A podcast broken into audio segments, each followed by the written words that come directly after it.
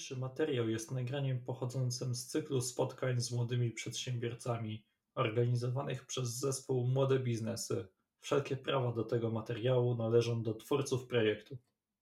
Witam wszystkich bardzo serdecznie na naszej kolejnej z cyklu prelekcji dotyczącej przedsiębiorczości dla młodych osób. Przygotowywaliśmy się do tego wydarzenia sukcesywnie przez minione miesiące. Rozwijaliśmy się i pozyskiwaliśmy partnerów, bez których projekt ten nie doszedłby do skutku. Dziękujemy szczególnie Centrum Kreatywności Fabryka, Stowarzyszeniu Społecznie Zaangażowani, oddziałowi Banku BNP Paribas, a w szczególności pani dyrektor Agnieszce Durskiej z oddziału w Konstantynowie Łódzkim, a także firmom Enea, i Fundacji Flying Bug. Cieszy nas zainteresowanie, jakie wzbudziła nasza inicjatywa. Pragniemy, aby nasze prelekcje pomogły Wam w lepszym starcie z własnym przedsiębiorstwem. Dziękujemy za obecność, bez której nasze wydarzenie nie mogłoby się odbyć. Pragnę przedstawić naszego dzisiejszego prelegenta Mikołaja Baszę, założyciela startupu Skulo, a także koordynatora projektu IRBA. Mikołaju, oddaję Ci głos.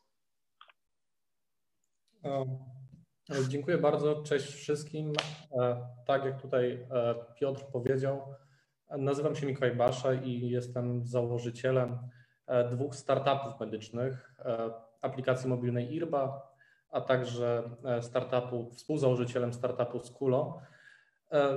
I wydaje mi się, że to, o czym chciałbym Wam dzisiaj opowiedzieć, to to, jak zaczynaliśmy, to jak przechodziliśmy drogę od studentów, przyjaciół, którzy mieli wspólny pomysł, wspólną wizję. E, nie do wielkiego sukcesu, bo może jeszcze jest na to za, za wcześnie, ale do momentu, w którym udało nam się e, utrzymywać z tego, co tak naprawdę lubimy robić i mieć pracę, w której tak naprawdę się nie męczymy i jesteśmy tam codziennie z przyjemności i to, czego wszystkim Wam tak naprawdę życzę, jeżeli macie w ogóle w planach założenie działalności gospodarczej czy tworzenie E, jakichkolwiek innowacji rynkowych czy, czy innowacji technologicznych. E, wiem, że problem, który bardzo często się pojawia, e, kiedy rozmawiam z moimi znajomymi, kiedy rozmawiam ze studentami, kiedy rozmawiam podczas różnych konferencji, prelekcji, występów, to to, że bardzo duża część młodych ludzi, licealistów, studentów jest bardzo chętna do tego, żeby robić coś ciekawego w swoim życiu, E, żeby zmieniać świat, e, ale w większości przypadków kompletnie nie wiedzą od czego zacząć i w ogóle za co się zabrać. Nie mają tak jakby, e, nie mają tak jakby tego pomysłu, nie mają tego punktu zaczepienia, w którym mogliby zacząć się realizować i nad którym mogliby zacząć pracować. I ja akurat mam to szczęście, że taki punkt, taką pasję i, i, i to, co robię w życiu, znalazłem dosyć wcześnie.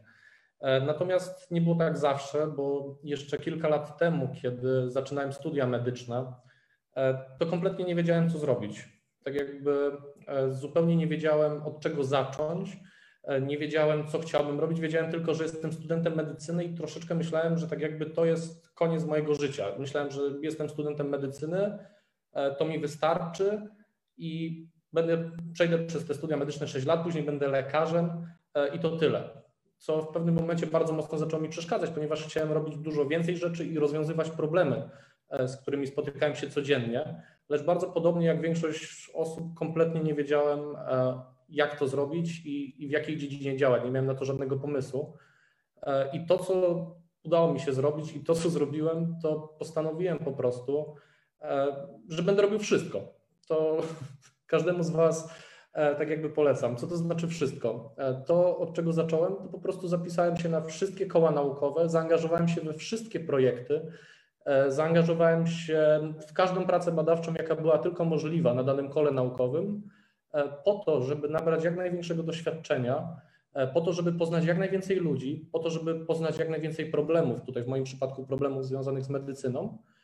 i zobaczyć to, co tak naprawdę lubię, co mi się podoba. We wszystko angażowałem się w 100%. Natomiast w pewnym momencie e, zacząłem zauważyć, że niektóre projekty, e, niektóre koła naukowe czy niektóre tematy interesują mnie dużo bardziej e, i poświęcam im znacznie więcej czasu, przez co nie miałem czasu na, na, na te pozostałe. I mniej więcej w ten sposób udało mi się trafić lub szybciej znaleźć to, czym się zajmuję w życiu teraz. Więc jeżeli też jesteście w podobnym punkcie, jeżeli macie taką sytuację, w której nie do końca wiecie, od czego zacząć, co, co, co, zrobić, co zrobić ze swoim życiem i, i od czego zacząć tworzenie pierwszej działalności gospodarczej, czy rozwiązywanie pierwszego problemu, nawet nie wiecie, jaki to jest problem, to postarajcie się zacząć od wszystkiego, nabrać jak największego doświadczenia, e, postarać się e, spróbować, postarać się pracować przy różnych projektach z różnymi ludźmi, e, bo wtedy zwiększacie sobie bardzo mocno szanse i prawdopodobieństwo na to, że w końcu znajdziecie to, co Was kręci, to, co kochacie i to, czemu będziecie się chcieli poświęcać. Też myślę, że dzisiejszy, to dzisiejsze spotkanie ma mieć taką formę, z której E, osoby, które są, które to oglądają, e, mogą wyciągnąć jak najwięcej dla siebie. Dlatego, jeżeli jesteście gdzieś tam na Facebooku, jeżeli gdzieś to oglądacie, e, to myślę, że jest nas na tyle mało, że możemy na spokojnie zrobić z tego formę dyskusji, formę, formę pewnego rodzaju warsztatów, podczas których możecie na bieżąco zadawać pytania, kiedy ja będę o czymś opowiadał, tak żebyście wyciągnęli po prostu z mojej historii, z historii mojej i moich przyjaciół, E, jak najwięcej dla siebie, żebyście tak jakby nie popełniali tych samych błędów, żebyście mogli e, wyciągnąć jak najwięcej informacji e, dotyczących waszego projektu i tego, tego jak go rozwijać w przyszłości. Pierwszym projektem, o którym chciałbym Wam opowiedzieć, jest aplikacja mobilna IRMA. Jest to pomysł aplikacji mobilnej, która wykorzystywała, ponieważ teraz już się od tamtej pory dużo zmieniło, ale to wszystko Wam opowiem, wykorzystywała e, ogólnodostępne e, urządzenia wearable, takie jak Apple Watch, e, Garmin, Polar, wszelkiego rodzaju smartwatche, które całodobowo monitorują podstawowe parametry życiowe, takie jak tętno, puls, saturację krwi. I aplikacja ta całodobowo monitorowała, zbierała dane, te podstawowe parametry życiowe z tych urządzeń i za pomocą algorytmów sztucznej inteligencji, e, za pomocą algorytmów sztucznej inteligencji miała za zadanie e, wykrywać e, stany nagłego zatrzymania krążenia. Niestety okazało się bardzo szybko, gdzieś już po roku działalności naszej aplikacji, po tym, gdzie tak naprawdę stworzyliśmy tą aplikację, że pomysł, na który się rzuciliśmy, E, byłby bardzo wymagający nawet dla zespołu 15 deweloperów, 15 informatyków i 15 e, lekarzy z dużym doświadczeniem. My natomiast mieliśmy studenta medycyny drugiego roku, mieliśmy studenta prawa e, i studenta informatyki, który właśnie pisał swoją inżynierkę. Nie poddawaliśmy się, udało nam się zajść dosyć daleko, przez to przede wszystkim, że wykonaliśmy po prostu setki czy, czy tysiące godzin pracy E, i udało nam się dojść do momentu, w którym e, byliśmy w stanie uzyskać e, finansowanie. Doszliśmy do, udało nam się stworzyć MVP takiej aplikacji, udało nam się wygrać, udało nam się wygrać program Polskiego Funduszu Rozwoju. Dobry pomysł. Byliśmy wśród 35 najbardziej innowacyjnych pomysłów 2018 roku w Polsce.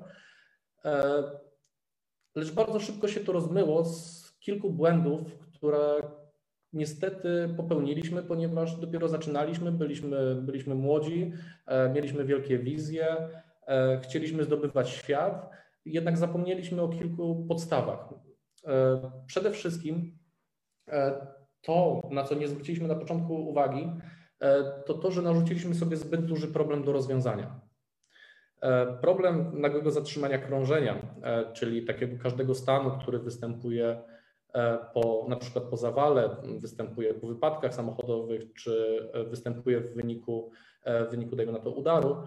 e, dotyczy ponad 120 tysięcy osób rocznie w Europie i ponad 250 tysięcy osób w Stanach Zjednoczonych, które, które tak naprawdę mogłyby tą pomoc otrzymać, gdyby odpowiednio wystarczająco wcześnie wezwać pomoc. E, ta nasza aplikacja e, miała na celu automatyczne wykrywanie za pomocą algorytmów sztucznej inteligencji to, co, e, to, co dostarczają, właśnie to, to ten stan nagłego zatrzymania krążenia i to, co dostarcza na podstawie danych, które dostarczają urządzenia wearable i to udało nam się osiągnąć, bo okazało się, że sam problem informatyczny i napisanie software'u, stworzenie takiej aplikacji kompatybilnej z tymi urządzeniami nie jest największym problemem, lecz potężnym problemem, z którym się spotkaliśmy jako studenci, e, to problem przede wszystkim medyczny, jak i problem prawny, ponieważ największym zaporowym kosztem tak naprawdę w każdym podobnym projekcie w medycynie jest koszt badań klinicznych i koszt certyfikacji medycznej. E, do której my oczywiście potrzebowaliśmy e, zewnętrznego finansowania, czyli e, venture capital. Z tym, co uzyskaliśmy, czyli z MVP, produktem, który spełniał swoje podstawowe funkcje, mieliśmy wypracowane algorytmy, które umożliwiały nam wykrywanie tego nagłego zatrzymania krążenia i z dosyć fajną prasą z tego względu, że udało nam się wygrać w paru konkursach startupowych, zgłosiliśmy się do kilku inwestorów, którzy byli bardzo chętni, żeby nas finansować. E, jednak ostatecznie okazało się, że niestety ze względu na nieporozumienia, nie, ze względu na to, że nie byliśmy w stanie znaleźć odpowiedniego języka z Venture Capital, nie zdecydowaliśmy się na to, żeby być e, finansowani e, i cały projekt stanął w miejscu. Natomiast to, co jest najważniejsze z tej całej historii błędów, które gdzieś po drodze popełniliśmy, E,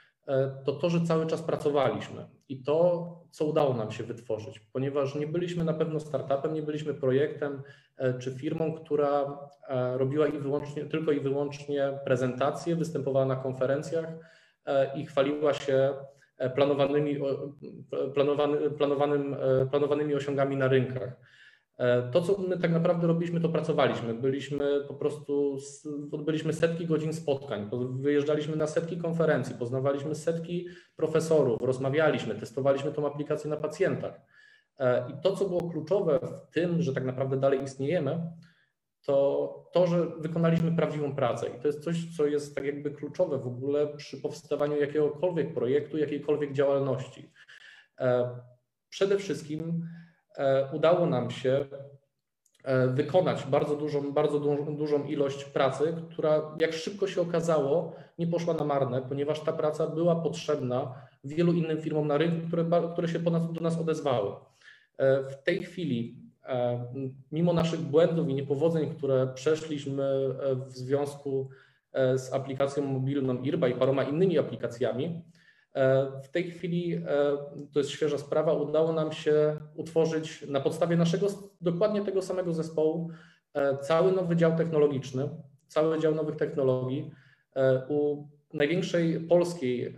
firmy telemedycznej w telemedycynie polskiej, która widząc nasze osiągi, widząc nasze rozwiązania, widząc nasze propozycje, nasze doświadczenie, znajomość rynku, znajomość urządzeń, umożliwiła nam E, umożliwiła nam stworzenie całego nowego działu technologii u siebie, gdzie dalej będziemy rozwijać e, i prowadzić podobne, typu, podobne projekty, tworzenie aplikacji mobilnych, tworzenie algorytmów sztucznej inteligencji analizujących dane z, z domu pacjenta, e, tylko pod skrzydłami telemedycyny polskiej, co pokazuje tutaj parę kluczowych rzeczy, o których trzeba pamiętać, kiedy zaczynacie swoją pierwszą działalność, kiedy zaczynacie pracować nad jakimikolwiek innowacjami. E, jest kilka takich rzeczy, które na pewno zabezpieczą Was przed tym, że nie poniesiecie porażki, że Wasz czas nie pójdzie na marne, że Wasza praca nie pójdzie na marne. E, to, na co musicie zwrócić uwagę, ucząc się na tych błędach, które, które my popełniliśmy, e, to przede wszystkim to, żeby dobrze zdefiniować problem. Jeżeli zajmujecie się realnym problemem, takim, który istnieje na świecie, który dotyczy dużej ilości ludzi, który, który faktycznie jest i jest potrzebne rozwiązanie tego problemu, to uwierzcie, że jeżeli będziecie ekspertami i staniecie się ekspertami e, dotyczącymi, e, ekspertami tego problemu e, przez setki godzin pracy przy własnej, przy własnej firmie, mimo tego, że ona nawet nie wyjdzie, to wasza wiedza, wasze doświadczenie, wasze know-how, czy algorytmy lub inne rozwiązania, które stworzycie po drodze,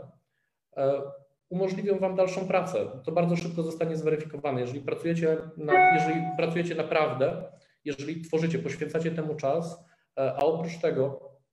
e, pracujecie nad realnym problemem, to rynek bardzo szybko to zweryfikuje i wykorzysta, bo wielu firmom, które prędzej czy później będzie zależało na rozwiązaniu tego samego problemu, mimo tego, że poruszają się wolniej niż małe firmy, e, będzie dużo łatwiej i wygodniej wykupić takie rozwiązanie, tak jak w naszym przypadku, niż tworzyć je u siebie od zera w dosyć sporych e, i zorganizowanych strukturach. To jest historia pierwszej działalności aplikacji mobilnej IRBA. Jeżeli ktoś ma jakieś pytania dotyczące samej aplikacji, czy, czy, czy, czy, czy, czy tego naszego pierwszego projektu, to może je po drodze zadawać. A drugim projektem, o którym chciałbym Wam opowiedzieć, jest historia firmy, którą założyłem wspólnie ze swoim przyjacielem e, ze studiów medycznych, która również e, polegała na rozwiązywaniu realnego problemu. E, mianowicie, kiedy pojawiliśmy się na pierwszym roku studiów medycznych, bardzo szybko zauważyliśmy jeden problem na zajęciach z anatomii. Preparaty anatomiczne, czyli ludzkie zwłoki, z których się uczyliśmy, były często w stanie, pozostawiającym bardzo wiele do życzenia. Te preparaty e, były zniszczone, niektóre z nich miały nawet po 30-40 lat, były wyeksploatowane e, i w związku z tym nie było możliwości, żeby e, na tych preparatach nauczyć się do egzaminów, nauczyć się z nich wszystkich struktur, które widnieją w dwuwymiarowych atlasach anatomicznych i które są wymagane podczas egzaminu z anatomii. Takim, takim modelem, który nas najbardziej zainteresował i który jest powiedzmy takim e, królującym e, modelem czy królującym preparatem na anatomii jest czaszka. E, jest to czaszka przede wszystkim z tego względu, że ludzka czaszka posiada setki struktur i wiele, wie, posiada wiele kości i setki struktur, które student, student medycyny, czy student stomatologii, czy fizjoterapii musi znać po polsku i po łacinie, ewentualnie po angielsku, na pamięć i niestety musi się uczyć e, tych wszystkich struktur z dwuwymiarowych atlasów, e, co sprawia bardzo wiele problemów. Bardzo popularnym rozwiązaniem na uczelniach medycznych e, było wykorzystywanie prawdziwych, wykorzystywanie prawdziwych czaszek, o czym można było sporo przeczytać na, na internecie czy, czy usłyszeć w wiadomościach, gdzie studenci medycyny posiadali w swoich domach e, prawdziwe czaszki, często po dziadku, e, czy, czy to były czaszki e, kupione od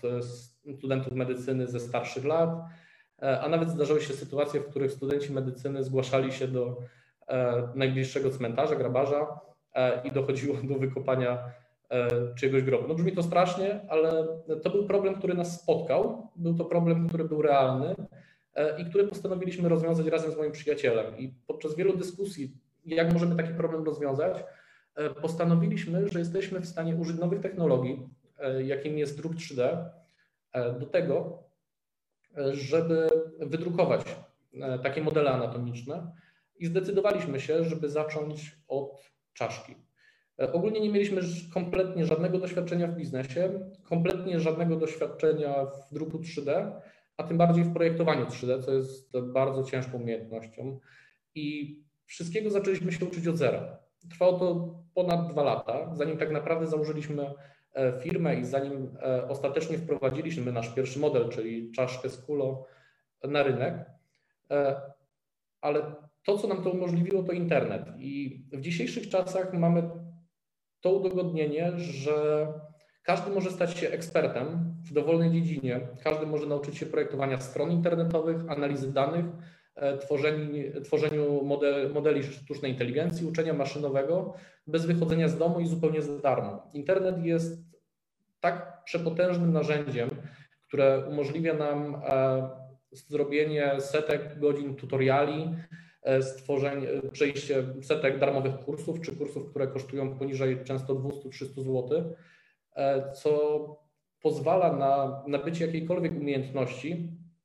w krótkim czasie e, samodzielnie, jednak potrzeba do tego trochę zapału i potrzeba, e, potrzeba, trochę, potrzeba trochę samozaparcia. Natomiast dla osób, które chcą ten problem rozwiązać, te narzędzia istnieją. Jeżeli planujecie w najbliższym czasie w najbliższym czasie otwierać własną działalność i nie wiecie i potrzebujecie jakiejś umiejętności E, z którą nie wiecie, co zrobić i, nie, macie, nie macie w tym żadnego doświadczenia w swojej branży, to myślę, że bez żadnego problemu jesteście w stanie tą umiejętność nabyć w internecie i na pewno taką umiejętność znajdziecie od kursów związanych z marketingiem, e, przez e, uczenie maszynowe, programowanie, kursy językowe, a nawet po samą sprzedaż i techniki sprzedaży. To wszystko jest dostępne i z tego warto korzystać.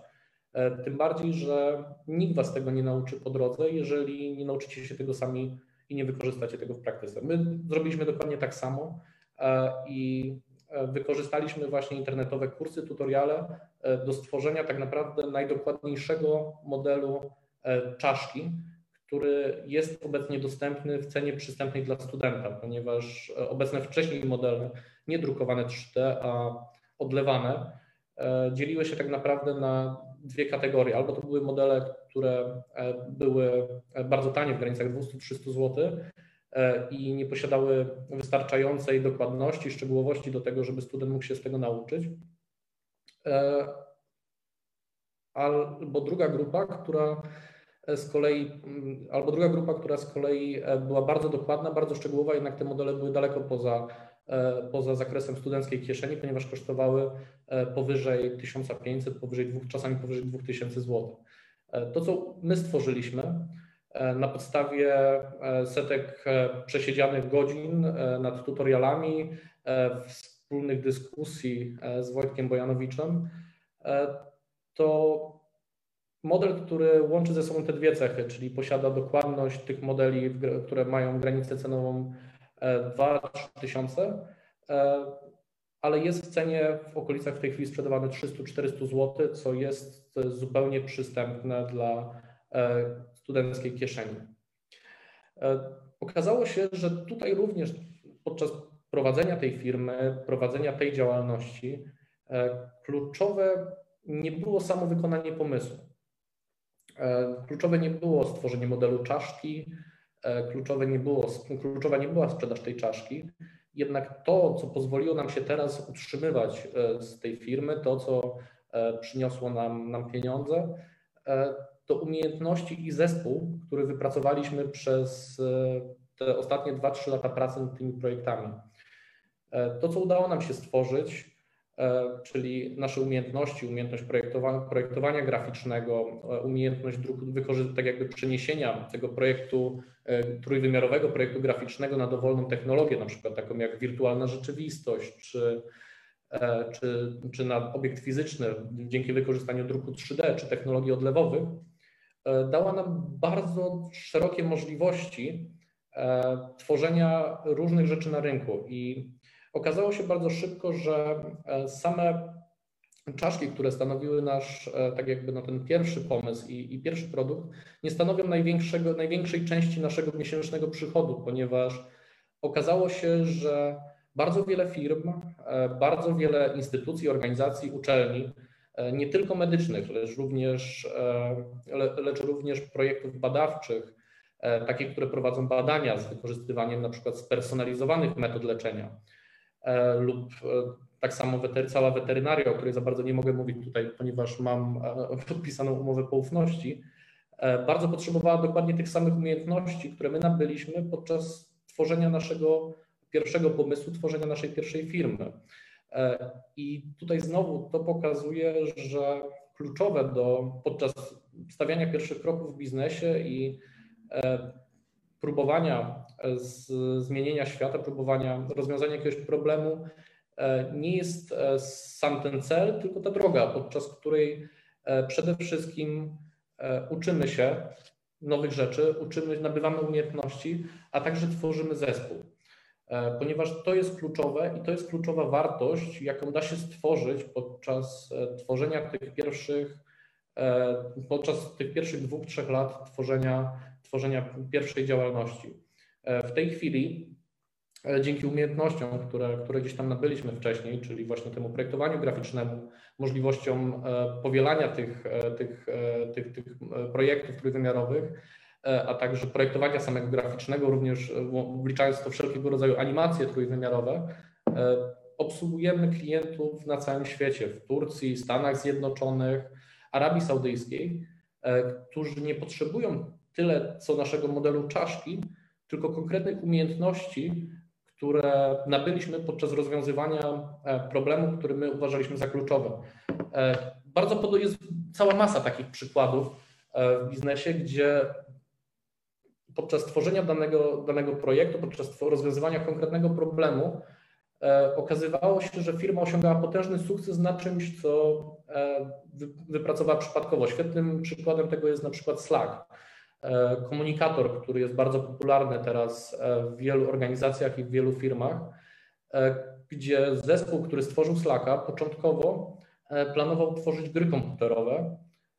i otrzymał na to spore dofinansowanie. Zatrudnił bardzo wiele ludzi do tego, żeby, bardzo wielu programistów, bardzo wielu deweloperów i grafików komputerowych do tego, żeby stworzyć kilka gier komputerowych. Natomiast okazało się, że to, co tak naprawdę im się udało, to wypracowanie najbardziej doskonałego komunikatora, który organizuje pracę firmy, organizuje pracę wewnątrz projektu. I to, to był ich ostateczny sukces, ponieważ ich gry nie zrobiły szału na rynku, ich, ich gry nie przyniosły im w ogóle żadnego przychodu. Natomiast to, co się okazało potrzebne naprawdę, to, to ten komunikator, który oni wypracowali zupełnie przypadkowo, na szybko, na kolanie, tylko po to, żeby ułatwić sobie organizację paru spraw w firmie. Przede wszystkim to, co łączy te dwa projekty, w których miałem okazję brać udział, w których dalej biorę udział i które prowadzę, to to, że jeżeli rozpoczynacie jakąś działalność, jeżeli macie w planach rozwiązywać jakiś problem, to powinniście zacząć od tego, czy ten problem jest dobrze zdefiniowany, czy ten problem jest realny, czy ten problem faktycznie istnieje, ponieważ to będzie kluczowe dla całej Waszej pracy. To będzie kluczowe dla, dla pracy z tego względu, że jeżeli będziecie starali się rozwiązać problem, którego nie ma, który wydaje Wam się tylko, że jest, to w przypadku niepowodzenia tego, to nie dość, że to jest bardzo duża szansa na to, że taki projekt się nie powiedzie, to oprócz tego ta cała praca nie, nie przyniesie żadnych efektów w postaci wykorzystania tego również przez inne firmy, przez inne ośrodki badawcze, czy przez, czy przez innych czy przez, czy przez innych ludzi na świecie. Jeżeli pracujecie nad problemem, który jest dobrze zdefiniowany i istnieje, tak jak na przykład w naszym przypadku problem nagłego zatrzymania krążenia, na który co, co, co roku umierają setki tysięcy ludzi w stan, w stan, na całym świecie, to wtedy macie pewność, że ten problem, jeżeli wy go nie rozwiążecie, to i tak ktoś starał, będzie się starał go rozwiązać w przyszłości lub teraz równolegle rozwiązuje go z wami. Potencjalnie na początku to jest wasza konkurencja, ale wy zdobywając doświadczenie, stawiając pierwsze kroki, zdobywając know-how, jesteście później w stanie w przypadku waszego niepowodzenia jako zabezpieczenie to wykorzystać i współpracować z nimi, czy współpracować później w innych projektach, dzięki czemu nie będziecie mieli nigdy poczucia, że wasza praca pójdzie na marne, a dalej w przyszłości będziecie w stanie współpracować przy rozwiązywaniu tego problemu, co tak naprawdę jest kluczowe, bo jeżeli mówimy tutaj o innowacjach, czyli to, co jest tematem dzisiejszego, dzisiejszego wykładu, to innowacje zawsze związane są z rozwiązywaniem problemów, z wpływaniem na świat. To różni tak naprawdę innowacje od globalizacji, czyli powielania, czyli powielania różnego rodzaju rozwiązań, które są dostępne na świecie, które zostały już gdzieś wprowadzone, które zostały skomercjalizowane. I jeżeli chcecie naprawdę rozwiązywać problemy, to bardzo ważne jest to, żebyście je dobrze zdefiniowali. To znaczy, to wiąże się nawet z tym, żebyście bardzo dobrze określili grupę docelową tego, a nawet się z nią spotkali i z nią współpracowali, bo to był na przykład jeden z błędów, który my popełniliśmy podczas naszego pierwszego projektu, czy naszej pierwszej firmy, jaką była IRBA. My tego nie zrobiliśmy. My byliśmy przekonani, że wiemy dokładnie, jak to zrobić, wiemy dokładnie, co jest potrzebne, a może się to okazać problem bardzo prozaiczny, taki jak w naszym przypadku, że niekoniecznie starsi ludzie są chętni do tego, żeby nosić opaskę, ponieważ czują się inwigilowani. Bardzo podobnym przykładem był polski startup, który wymyślił, który stworzył i opracował nawet z komercjalizacją świetny test diagnostyczny dla kobiet, który był w stanie w warunkach domowych za 5 dolarów stwierdzić cały panel chorób. Tutaj akurat to, były, to była diagnostyka nowot, bodajże raka szyjki macicy. I jest to w stanie zrobić z domu. Oni coś takiego wprowadzili na cały świat, dostali na to pieniądze, tylko to, co okazało się podstawowym problemem całego tego pomysłu, całej tej firmy po 10 latach pracy, to to, że ostatecznie, kiedy to było do kupienia w sklepach na półkach, to nikt tego nie kupił, ponieważ nigdy podczas 7 lat pracy nie poszli do tych kobiet, nie poszli do ostatecznego użytkownika, nie, nie rozmawiali z kobietami, które, które, które mają, są w grupie ryzyka, na przykład raka szyjki macicy i nie dowiedzieli się podstawowego faktu, że kobieta nie chce tego używać, ponieważ ona może nie, chce, nie chcieć wiedzieć o tym, czy jest chora, czy nie. I to, był, I to była bardzo prosta rzecz do wykrycia wcześniej, wcześniej, czyli podczas tak naprawdę projektowania całego, całego procesu, podczas projektowania pracy nad, nad, nad, nad rozwiązaniem tego problemu. Natomiast oni tego nie zrobili i przez to nie udało im się tak naprawdę, nie udało im się, przez to no nie udało im się tego wprowadzić, a co gorsza, no, poświęcili na to e, tysiące, czy nawet może i miliony godzin pracy, a także miliony dolarów. Oprócz tego, to co jest bardzo ważne, co łączy tak jakby te, e, te, dwie, e, te, te dwie firmy, te dwa projekty, w których pracowałem i pracuję, e, to to, że bardzo ważny jest zespół. To, co uda się Wam teraz stworzyć, stawiając pierwsze kroki, to przede wszystkim zespół. To są przyjaźnie, to, to, są przede wszystkim, to są przede wszystkim znajomości i kontakty, które umożliwią Wam rozwijanie się na całe życie.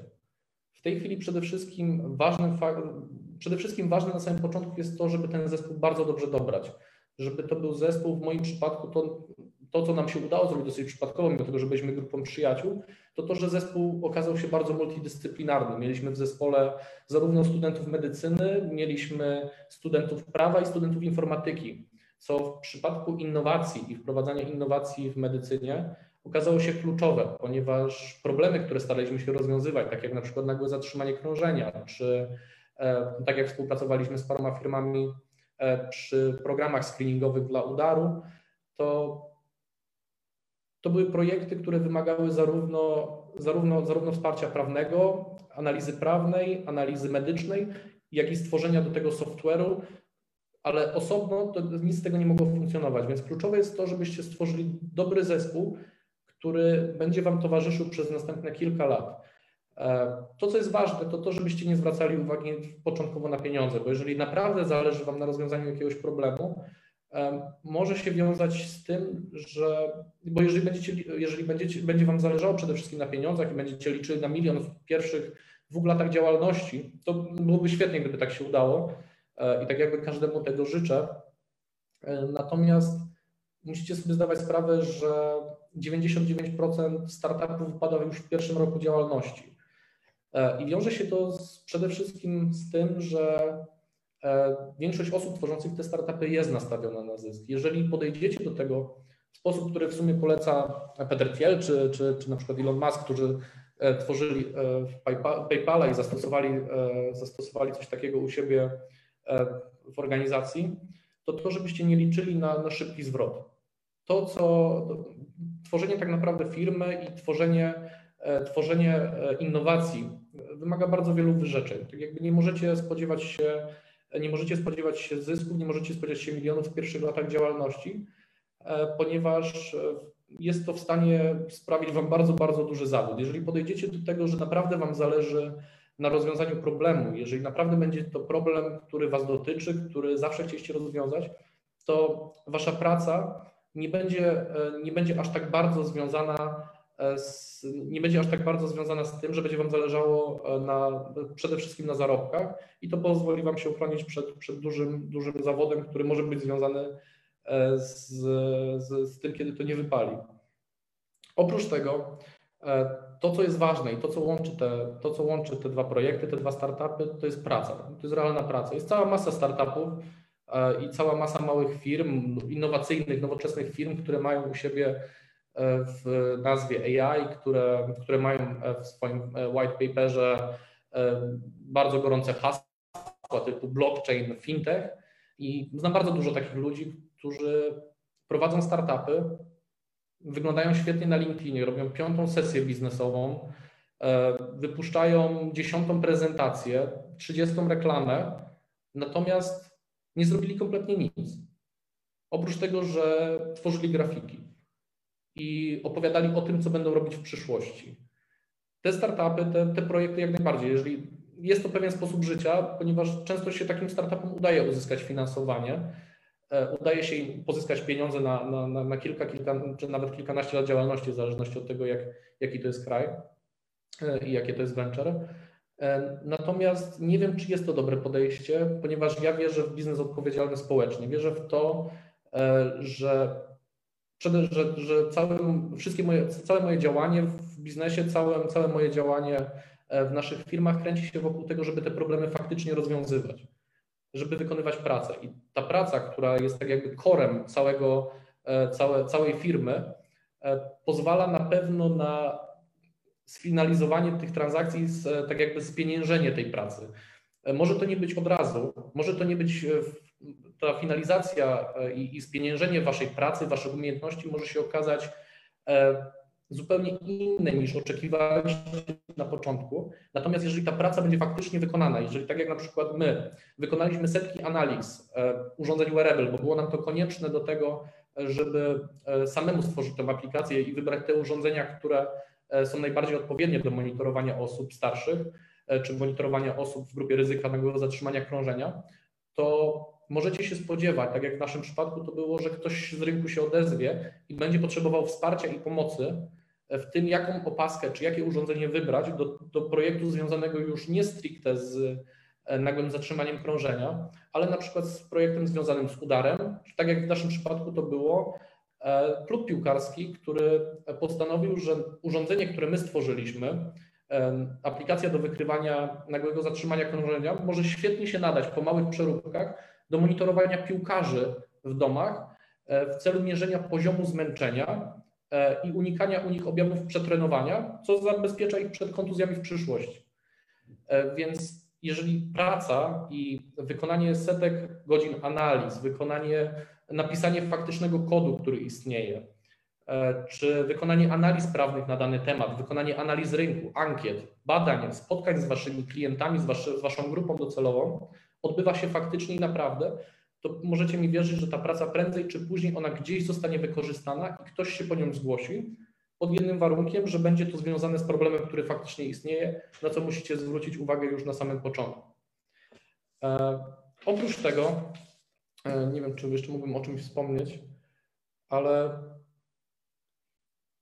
to chyba tyle tak naprawdę z takich rzeczy podstawowych, o których chciałem się opowiedzieć. Nie przygotowałem żadnej prezentacji z tego względu, że pomyślałem, że dużo lepiej by było, gdyby całe, całe to dzisiejsze spotkanie sobotnie było zupełnie na luzie i w formie takiej luźnej, e, luźnej, luźnej, e, luźnej rozmowy, luźnej dyskusji. Natomiast jeżeli ktoś nas ogląda, jeżeli jesteście gdzieś tam, to bardzo bym Was prosił, jeżeli macie jakieś pytania, no to teraz chyba jest ten moment. Jeżeli chcielibyście się czegoś dowiedzieć, chcielibyście się czegoś doradzić, to, to, to mógłbym Wam teraz odpowiedzieć.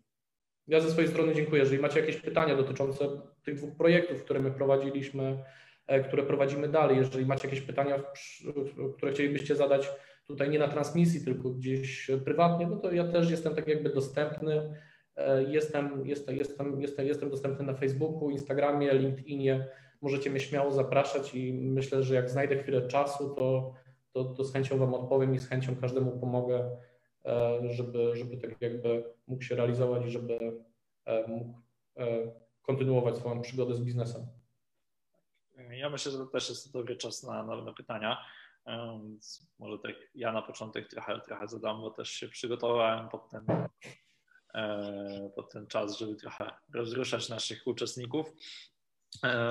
W ogóle ja trochę może zapytam Ciebie. E, ja wiem o tym, że my już kiedyś o tym rozmawialiśmy i ja wiem, jak Ty to robisz, ale w jaki Ty sposób łączysz tak naprawdę dwie działalności teraz, bo mimo to, że powiedziałeś o tym, że IRBY już jako Waszego startupu nie ma, natomiast zostaliście wchłonięci do dużej firmy telemedycznej e, i dalej jakby koordynujesz ten zespół i dalej zarządzasz tym, budujesz cały zespół jakby w tej firmie, no i chciałem Ciebie zapytać, jak Ty łączysz te aktywności ze studiami medycznymi? Niech Ty sobie dajesz radę z tym.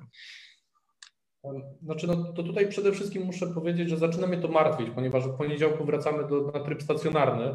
e, co może bardzo sprawę utrudnić, e, ponieważ teraz akurat e, ten największy, największy okres, kiedy tej pracy, w sensie najbardziej intensywny okres, kiedy tej pracy było najwięcej, przypadł na czas pandemii COVID i trochę nas ta pandemia uratowała z tego względu, że mogliśmy uczyć się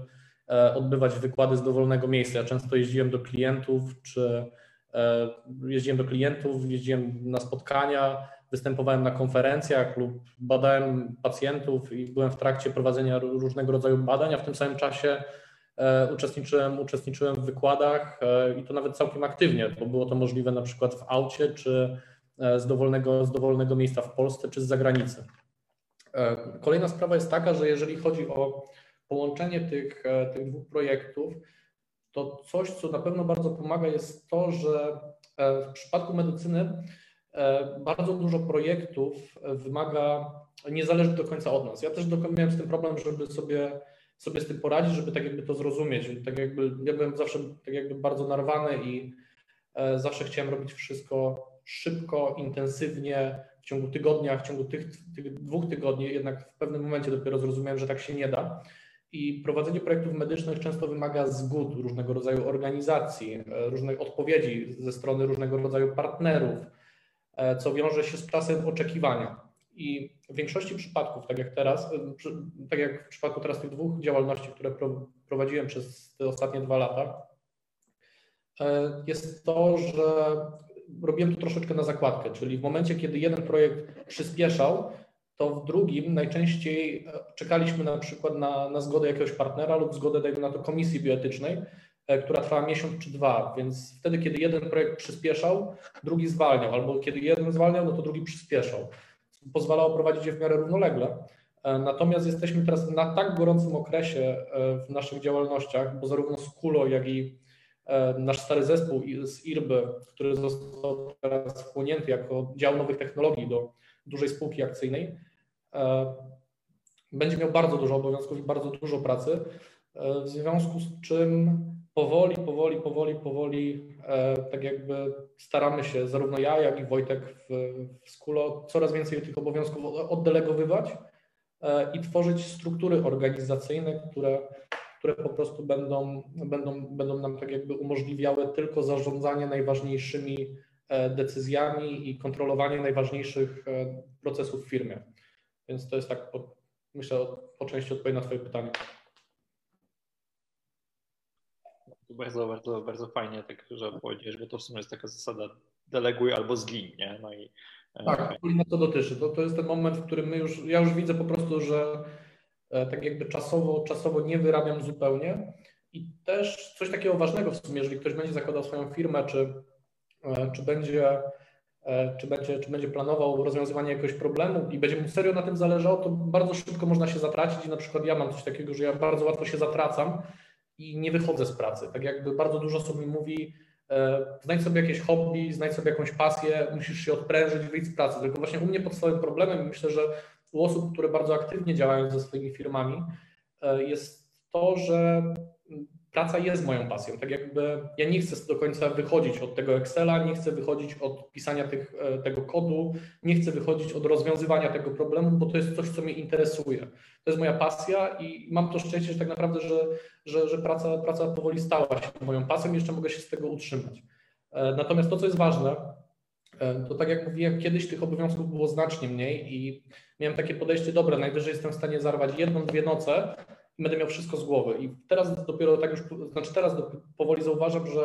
tych obowiązków jest już tyle w obydwu projektach, które prowadzimy, ponieważ one są jeszcze rozłożone na kilka innych projektów, zarówno w firmie Skulo, jak i teraz e, w telemedycynie tych projektów się robi cała masa, tak jakby to jest cała gałąź tych projektów, całe, całe gałęzie tych projektów, e, które są prowadzone równolegle, to jeżeli miałbym to zrobić na podstawie zarywania nocy, no to pewnie nie spałbym przez najbliższe 2-3 miesiące, a może cały rok. I nie jest to już możliwe, dlatego jeżeli e, zaczynacie e, pracę nad problemem, który jest również Waszą pasją, e, to coś, co jest bardzo, bardzo ważne, to jest kultura pracy. Ja popełniłem ten błąd i kultury pracy nie miałem w ogóle i dopiero od niedawna uczę się, że po prostu pracuję w sztywnych godzinach i po prostu po godzinie 19 odcinam się i, i staram, staram się nie pracować więcej, bo to, co jest bardzo ważne, to, to, to zdrowie psychiczne i to, żeby się po drodze nie wykończyć, bo właśnie śmialiśmy się, że e, w przypadku aplikacji mobilnej IRBA za niedługo ja będę, pierwszy, ja będę pierwszym pacjentem, u którego aplikacja mobilna IRBA wykryje nagłe zatrzymanie krążenia. E, tak, mamy jedno pytanie z Facebooka. E, czy warto tworzyć startupy, inkubując je na uniwersytecie? Czy to nie wiąże się z oddaniem udziałów uczelni wyższej? E, jeżeli chodzi o inkubatory uczelniane, to bardzo ważna informacja, bo, też mieliśmy sporo do czynienia. Ja miałem sporo do czynienia z inkubatorami uczelnianymi. To tutaj ważne jest to, jakie, jakie są warunki umowy, ponieważ każda uczelnia ma swoje własne warunki i często jest jeszcze tak, że przy, przy uczelni działa inkubator, który jest fundacją lub firmą, która, z którą po prostu uczelnia weszła we współpracę. E, jeżeli chodzi, o, jeżeli chodzi o same warunki, to przeważnie większość z tych inkubatorów e, od, odpowiada wtedy za całą, e, za całą tą taką infrastrukturę księgową, a także organizacyjną, prawną. Natomiast osoba, z, osoba która, która chce prowadzić jakiś, jakąś firmę, chce, chce wdrażać swój pomysł, skupia się tylko i wyłącznie na, na tym pomyśle. Wydaje mi się, że jest to fajne rozwiązanie, ale na, na bardzo krótko. A jeżeli chodzi o oddawanie części udziałów, no to tutaj to już zależy od, to już tutaj stricte zależy od umowy, jaką oferuje uczelnia, czy ten inkubator, ponieważ e, myślę, że tyle, ile jest tych inkubatorów, tyle, tyle jest tych umów. Warunki są przeważnie bardzo, bardzo, bardzo takie, e, bardzo dobre, jeżeli chodzi o inkubatory, ponieważ tam za drobną opłatą 250-300 zł miesięcznie są pokrywane wszelkie koszta księgowości, koszta, e, koszta, koszta, koszta księgowości, prowadzenia działalności, e, ZUS-ów. Natomiast osoba, która, która, która, która prowadzi firmę i chce ją prowadzić, no to skupia się tylko i wyłącznie na wystawianiu faktur za swoją pracę i otrzymywaniu z niej pieniędzy. Jest to fajne, ale jest to rozwiązanie na, na, na krótką metę i wydaje mi się, że Prowadzenie działalności gospodarczej, szczególnie małej na początku, nie jest tak straszne, żeby sobie z tym nie poradzić, jeżeli by ją prowadzić w normalny sposób. E, ja osobiście miałem możliwość skorzystania z inkubatorów. E, niestety no, nie skorzystałem, znaczy może niestety nie skorzystałem. Wydaje mi się, że w Polsce panuje bardzo duży strach przed założeniem firmy, przed założeniem działalności gospodarczej. E, nie wiem do końca, z czego to, nie wiem do końca, z czego to wynika, pewnie z doświadczeń starszych, e, starszych przedsiębiorców, którzy mają większe przedsiębiorstwa i często jest im e, gdzieś tam łatwo popełnić błąd i narazić się urzędowi skarbowemu, narazić się, narazić się różnego rodzaju instytucjom. Natomiast prowadzenie małej działalności gospodarczej jest w Polsce tak naprawdę bardzo łatwa, a urzędy są bardzo przychylne. To jest moja opinia. Ja na tą chwilę prowadząc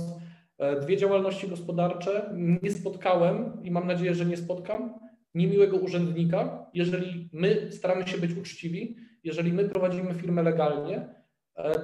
to jest cała masa urzędników w Polsce, którzy są gotowi, żeby pomóc. Oczywiście polskie prawo nie jest łatwe, tego nie mówię. E, nie jest przychylne prowadzeniu interesów, nie jest przychylne prowadzeniu działalności gospodarczej, ale jeżeli chodzi o próbę i rozpoczęcie prowadzenia działalności gospodarczej, nie jest to straszne.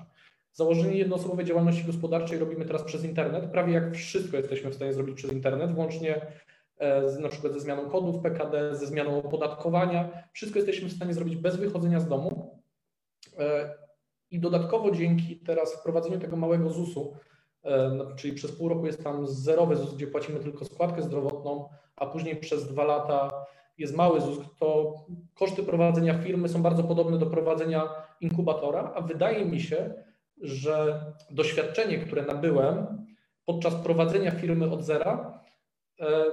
to jest coś, co, co pozwala również tak jakby się rozwijać na, na, na wielu innych płaszczyznach. Wydaje mi się, że to jest bardzo fajne doświadczenie, żeby poprowadzić firmę e, samemu. Nawet jeżeli w przyszłości ktoś będzie, dajmy na to, dyrektorem, będzie pracował na etacie, świetnie jest wiedzieć, jak wygląda prowadzenie firmy w Polsce i nie jest to tak straszne i nie niesie ze sobą jakichś strasznych konsekwencji, więc ja tak jakby tutaj przede wszystkim polecam spróbowanie z jednoosobową działalnością gospodarczą e, i, i, i sprób, tak jakby przetestowanie tego na własnej skórze. Internet jest pełen poradników, interpretacji, e, które na pewno nam pomogą i jeżeli chcemy prowadzić firmę legalnie, nie planujemy e, nie, nie, planujemy, nie planujemy w żaden sposób unikać podatków, chcemy prowadzić firmę legalnie, chcemy legalnie zarabiać i odprowadzać podatki, tak jak ja uważam, że się powinno robić, to tak jakby myślę, że nikt nie powinien się na tym zrazić i nikt nie powinien e, odczuć jakichś bardzo złych, e, złych konsekwencji czy, czy jakichś niemiłych, e, czy nie powinien mieć jakichś nieprzyjemności ze strony, ze strony polskich urzędów polskiego państwa. Tym bardziej, jeżeli chodzi o małe kwoty. Jeżeli to są przeważnie początkowo firmy mają małe kwoty, małe przychody i takie firmy najczęściej nawet nie podlegają kontrolom z tego względu, że no, gdzieś tam znikają za plecami tych, tych, tych, tych wszystkich firm, które mają obroty milionowe. Dobrze, mamy kolejne pytanie. Czy Twoim zdaniem startup, startup y, da się połączyć z oprogramowaniem otwartoźródłowym? Czy znasz może takie przypadki? E, nie do końca rozumiem e, tutaj, e, w sensie rozumiem, że chodzi tutaj o rozwiązanie jakieś open source'owe, prawda? Mhm. Jeżeli chodzi tutaj o, o otwartoźródłowe, bo myślę, że to, że to w tym kontekście jest pytanie. No to tutaj, jeżeli chodzi o, o, o startup i rozwiązania open source'owe, oprogramowanie open source'owe, myślę, że jest to, jest, to, jest, jest, to, jest to jak najbardziej możliwe, tylko musiałbym znać więcej szczegółów dotyczących jaki startup i jakie oprogramowanie open source'owe, ale E, tak jakby no, w, moim, w mojej branży, jeżeli chodzi o nas, e, jest cała masa dostępnych, e, ogólnodostępnych, właśnie open source'owych, włącznie z oprogramowaniem, z, właśnie z oprogramowaniem open source'owym z możliwością wykorzystania komercyjnie. Jest cała masa baz danych i oprogramowania, które można wykorzystać jako podzespoły do tworzenia swojej działalności, czy do tworzenia swojej aplikacji, swojego oprogramowania. No, fajnym przykładem jest tutaj ostatnio, tak jak rozmawiałem z Piotrem, E, o współpracy z jego bratem, ponieważ współpracujemy z, e, z, bratem, z, bratem, z bratem Piotrka e, też przy paru projektach medycznych, to w tej chwili wykorzystujemy pewnego rodzaju rozwiązania, które są już stworzone. Są to modele uczenia maszynowego do rozpoznawania, do rozpoznawania tekstu, które są już opracowane na języku angielskim i w licencji są zupełnie open source'owe, mają zgodę na wykorzystanie komercyjne więc jak najbardziej tak jakby widzimy potencjał, żeby to użyć, a sam projekt, który tworzymy i którego częścią jest taki kawałek oprogramowania, czyli ten model uczenia maszynowego, do, który spełnia jakąś określoną rolę w naszym projekcie, e, spokojnie się wpisuje w tą teorię, że można tworzyć startupy współpracując z oprogramowaniem open source'owym albo na, na, na oprogramowaniu open source'owym, ale tutaj jest ważne to, że no, no, tutaj jest ważne to, żeby tak jakby opierać się na licencji. Tutaj to pokazuje e, tutaj tak jakby po raz kolejny to potwierdza, że fajnie jest e, mieć zespół multidyscyplinarny, gdzie w nowych technologiach potężną część pracy stanowią analizy prawne, więc warto mieć przy sobie osobę, która w jakiś sposób jest z prawem związana. Teraz ja mam takie jeszcze kolejne pytanie, jakie mi się nasuwa bo powiedziałeś o Skulo, o Irbie i teraz bym Cię chciał zapytać, jak e, Ty zdobyłeś w ogóle środki na odpalenie tych dwóch e, biznesów? Okej, okay, Irba rozumiem, że chyba to nie było jakoś bardzo kosztowo, natomiast chyba Skulo, produkcja własnych modeli anatomicznych to chyba trochę kosztuje, nie? Jeżeli chodzi o IRPę i o Skulo, to były projekty, które można rozważyć tak jakby od razu, one miały dwa inne, dwie inne drogi finansowania. I to, to jest też fajny, fajny przykład E, ponieważ e, IRBA była projektem, który od samego początku, jak my zaczynaliśmy IRBę, wiedzieliśmy, że my potrzebujemy zewnętrzne finansowanie,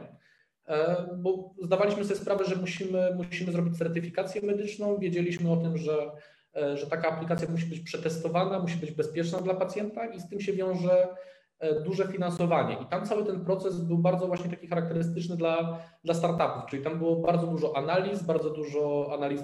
biznesowych, E, prawnych, rynkowych, stworzenie MVP po najniższych kosztach, tutaj dzięki umiejętnościom Kacpra Rączego, który, e, który, który jest moim wspólnikiem e, w, w IRBie, czy tutaj Karola Drewniaka, który tworzył te wszystkie analizy prawne, więc nie wiązało się to w żaden sposób z kosztami, oprócz kupowaniem kolejnych opasek do testów, kupowaniem różnego rodzaju oprogramowania, licencji, co, co stanowiło koszta gdzieś tam poniżej powiedzmy 5 tysięcy złotych rocznie. E, więc było to coś, z czego my się zrzucaliśmy e, w trójkę. E, jeżeli chodzi, jeżeli chodzi z kolei o Skulo, to tak naprawdę udało nam się obniżyć bardzo mocno koszta przez outsourcing nasze, tego całego, całego drukowania początkowo, ponieważ praca, którą my wykonaliśmy, to była praca oparta, oparta ogólnie w obydwu firmach zastosowaliśmy strategię tak zwaną light assets, e, czyli to, co my głównie gromadzimy w naszych firmach, to jest know-how, wiedza, prawa autorskie i wszelkiego rodzaju środki, które nie wymagają dużego, dużych nakładów finansowych. To są rzeczy, które jesteście, każdy tutaj, kto jest obecny, kto nas słucha, jest w stanie zdobyć w internecie albo e, przez pracę i doświadczenie e, w jakimś projekcie. To wszystko tak jakby to jest to, co my gromadzimy e, i w przypadku Skulo, kiedy uzyskaliśmy nasze projekty, znaleźliśmy podwykonawców i czaszki do tej pory są wykonywane przez naszego podwykonawcę w Warszawie, z którym w międzyczasie okazało, że się zaprzyjaźniliśmy i stanowimy świetny zespół i planujemy wspólny rozwój E, i, i współpracę na, na zasadzie partnerstwa czy, czy bycia wspólnikami w najbliższych latach. E, więc e, tak jakby no my tak naprawdę ponieśliśmy w przypadku Skulo koszta związane z rejestracją firmy w granicach, znaczy może nie tyle co z rejestracją, ale z założeniem tej działalności w granicach kilku, kilkuset złotych. No i wszystko tak naprawdę zaczęło się od złożenia się z Wojtkiem na pół na drukarkę, która kosztowała początkowo chyba 1000 zł, więc od tego się zaczęło, to pozwoliło nam opracować prototyp. E, było to wszystko bardzo niskobudżetowe, było to strasznie garażowe, strasznie studenckie, e, a w tej chwili jesteśmy w stanie e, od tamtej, od, dzięki właśnie tak jakby opieraniu się na, na współpracy z podwykonawcami, na doborze fajnych ludzi, fajnego zespołu i wysokich umiejętnościach, bardzo specyficznych umiejętnościach, jaką jest na przykład projektowanie graficzne, projektowanie trójwymiarowe, które jest bardzo, bardzo, bardzo, bardzo cenioną, tak jakby tutaj bardzo drogo wycenianą pracą na rynku, udało nam się obniżyć koszta do minimum, a dzięki fajnej współpracy i fajnym podwykonawcom byliśmy w stanie na elastycznych warunkach wyprodukować spore ilości czaszek e, i e, sprzedać je na rynku. No też tutaj od razu no nie mogę nie wspomnieć o Mikołaju Cetkowskim, który również jest współzałożycielem Skulo e, i to tutaj on, tak jakby zauważając tak jakby to, jak nasz projekt i mój i Wojtka projekt szybko się rozwija, postanowił nas w pewien sposób dofinansować a także wesprzeć e, pracę związaną z marketingiem i, i sprzedażą tych czaszek, w czym on jest zresztą świetny. Dzięki za odpowiedź na to, na, na, na to moje pytanie. Mam jeszcze takie kolejne. Jakie cechy są dla Ciebie najważniejsze przy doborze współpracowników? Czym Ty się kierujesz przy doborze? Bo okej, okay, ja rozumiem, że większość tych takich działań, które zrobiłeś, to są Twoi dobrzy znajomi, wspólnicy, ale tak jak później zatrudniasz na przykład kogoś, to czym Ty się kierujesz? Mm, wydaje mi się, że to, co jest bardzo ważne e, podczas, podczas doboru e, współpracowników e, i, i później pracowników, to przede wszystkim, to przede wszystkim jest tak jakby zrozumienie. To jest ten, ten, ta taka nić porozumienia między tobą a tą osobą i zaufanie, że ta osoba jest w stanie wykonywać te zadania. Tak jakby to, czego ja zawsze szukam, to to jest osoba, która, która, która rozumie, co się do niej mówi, która, która w pewien sposób rozumie problem. To też jest dosyć ciekawe, ponieważ ja przeważnie, jeżeli współpracujemy nad jakimś projektem, jesteśmy, dostajemy jakieś zlecenie, e, to pracownicy muszą rozumieć, co my robimy. Każdy musi rozumieć, co my robimy i samodzielnie potrafić to wykonać. Nie, nie szukamy ani ja, ani Wojtek, e, nie szukamy, nie szukamy osób, które e, potrzebują po prostu wskazywania palcem w każdym punkcie. Szukamy osób, które samodzielnie są w stanie rozwiązywać problemy, ale żeby te problemy były w stanie samodzielnie rozwiązywać, muszą je rozumieć. Szukamy po prostu osób takich, które, które rozumieją problem, który, który mamy, jeżeli mamy konkretne zlecenie, na przykład dotyczące, na przykład dotyczące operacji wad wrodzonych u dzieci E, wad serca, e, wrodzonych wad serca u dzieci, gdzie mamy na przykład e, w poniedziałek dostajemy skan z tomografii komputerowej, a w czwartek mamy dostarczyć, a w czwartek mamy dostarczyć gotowy model tego samego serca, które jest w tym dziecku, ponieważ w piątek jest operacja i kardiochirurdzy w czwartek mogą sobie tą operację przećwiczyć na tym dziecku, to my przede wszystkim szukamy ludzi, którzy rozumieją ten problem i rozumieją powagę sytuacji, przez to oni na przykład mi w środę, czwartek nie powiedzą, że oni nie są w stanie tego zrobić albo e, nie widzą innej opcji. Szukamy osób, które po prostu, jeżeli napotkają problem, są w stanie go samodzielnie rozwiązać. Są w stanie go samodzielnie rozwiązać i proponują inicjatywy rozwiązywania problemów. Ale to wynika też przede wszystkim z tego, że głęboko te problemy, które my mamy, rozumieją. I wydaje mi się, że to, co mnie najbardziej przekonuje, jeżeli kogoś zatrudniamy, a mieliśmy okazję ostatnio trochę osób zatrudnić, to to, że osoba rozumie problem, na którym my operujemy i który my rozwiązujemy, bo jeżeli ona rozumie ten problem, to jest w stanie tak jakby z nami rozmawiać i jest w stanie, jest w stanie z nami współpracować w podobnym tempie i na podobnych warunkach. Mam jeszcze takie kolejne pytanie, które gdzieś tam trochę się przewija. E, o dobra, to trochę się przyznam, że tak wiesz, to trudno, żebym nie rozmawiał z bratem trochę o waszych współpracach i tak dalej. E, I to pytanie jest nasuwające od trochę mojego brata, już e, dawno się nad tym zastanawiał, więc zapytam w jego imieniu. Pozdrawiam, pozdrawiam Czarka, także jak ty widzisz swoją dalszą przyszłość? Czy ty bardziej chcesz e, być lekarzem, takim wiesz, normalnym lekarzem, który przyjmuje w przychodni, czy pracuje na oddziale, czy ty bardziej chcesz iść tą drogą zajmowania się e, wdrażaniem innowacji w sektorze medycznym? E, tutaj powiem Ci, że na tą chwilę jest mi bardzo ciężko stwierdzić, jak potoczy się moje życie. Tym bardziej, że przez ostatnie dwa lata to życie po prostu wywróciło się całkiem do góry nogami i dzieje się w moim życiu bardzo dużo i powiedzmy tak jakby no, mam tą okazję e, pracować przy naprawdę potężnych projektach z e, światowymi graczami. Też niestety no, nie mogę tu ujawnić szczegółów, ale mogę tylko powiedzieć, że dajmy na to za, e, za około dwa miesiące, czyli początek drugiego kwartału tego roku, będziemy współpracować z trzema, jak będziemy, pozyskaliśmy trzech największych partnerów, trzech, trzech partnerów, które stanowią topowe informatyczne firmy świata i będziemy firmą, który, będziemy firmą, która będzie współpracowała z nimi na wyłączność e, w Polsce. To są rzeczy po prostu, które w jakiś sposób e, no, troszeczkę jeszcze mnie tak, tak całkiem szczerze przytłaczają. To są rzeczy, których ja się w ogóle nie spodziewałem, że to wszystko będzie się toczyło tak szybko. E, natomiast jeżeli chodzi stricte o odpowiedź na to pytanie, to wydaje mi się, że ja przede wszystkim chcę rozwiązywać problemy. E, chcę rozwiązywać problemy w medycynie, chcę pomagać ludziom. Nie zależy mi do tej pory na pieniądzach i mam nadzieję, że nie będzie mi na nich zależało w przyszłości. E, przede wszystkim chcę rozwiązywać problemy, tworzyć, tworzyć rozwiązania, które ułatwiają ludziom życie, które ratują życia, które zwiększają powiedzmy komfort i zdrowie osób starszych, czy e, rozwiązują na przykład różnego rodzaju problemy związane, związane z kontrolowaniem terapii. Chcę po prostu wpływać na, na ludzkie życie jeżeli po prostu jakaś część mojej pracy jeżeli tam kilkaset czy, czy kilkadziesiąt tysięcy godzin w ciągu całego mojego życia po prostu uratuje chociaż to jedno życie, to ja dalej będę to robił po prostu. Tak jakby, jeżeli będę stanowił jakąś tam kroplę w morzu tych, e, tych osób, które tworzą takie rozwiązania i rozwiązują problemy, e, to po prostu będę szczęśliwym człowiekiem. Jeżeli będę w stanie komuś pomóc dzięki mojej pracy, dzięki poświęcaniu czasu, zarywaniu nocek, będę w stanie powiedzmy uratować chociaż jedno życie i, i widzieć, że ta rodzina powiedzmy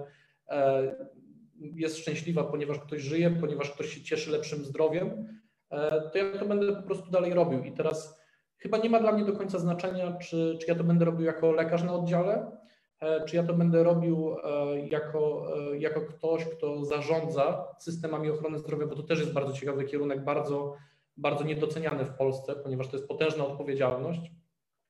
czy jako osoba, która będzie z sektora prywatnego tworzyła rozwiązania i wprowadzała nowe technologie dla pacjentów. E, nie, jest, nie stanowi to dla mnie większej różnicy. To, na czym mi przede wszystkim zależy, to to, żeby e, rozwiązać te problemy i żeby realnie wpłynąć na życie pacjentów, żeby realnie im pomóc. To jest coś, co tak naprawdę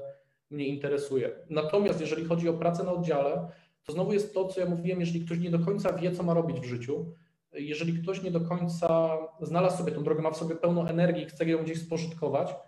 e, to powinien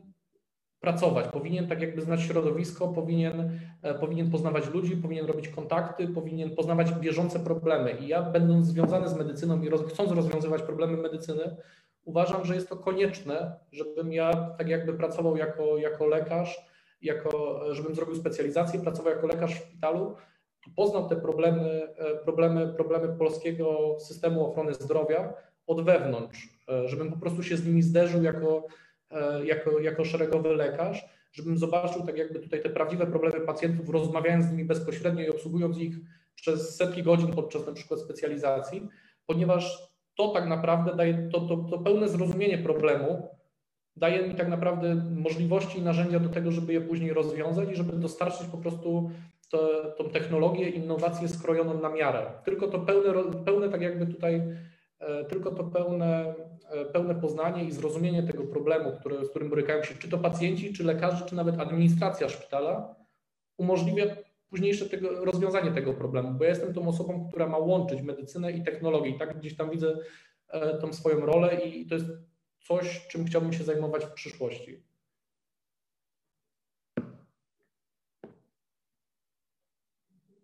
Bardzo, bardzo fajnie to, to, to o tym powiedziałeś, że bardzo, bardzo mnie to cieszy, że w ogóle mamy takich e, ludzi z takim podejściem i też w środowisku medycznym i nieważne, czy ty będziesz lekarzem, takim wiesz, pracującym na oddziale, tak jak powiedziałeś przed chwilą, czy, czy robił to, wdrażał innowacje, to jest super, że z taką empatią do tego wszystkiego podchodzisz. E, Mikołaj, ja Ci bardzo dziękuję w ogóle dzisiaj za prelekcję, za to, jak to wszystko fajnie przedstawiłeś, bo naprawdę super, super historię przedstawiłeś i to było świetne. Także dziękuję też wszystkim, wszystkim odbiorcom e, tego dzisiejszego wydarzenia, wszystkim uczestnikom też tutaj na Zoomie. Także dzięki bardzo i jeżeli byście mieli jakieś pytania do Mikołaja, to śmiało piszcie na Facebooku, czy nawet na LinkedInie, Instagram, jakby Mikołaj się na pewno odezwie, bo, bo, bo Mikołaj się odezwał bez żadnego problemu, jak, jak mnie jeszcze nie znał, jak ja go zapraszam do swojego podcastu, także Luz Michał, Mikołaj jest bardzo otwartą osobą, także piszcie śmiało. Pewnie. Dzięki, dzięki bardzo wszystkim.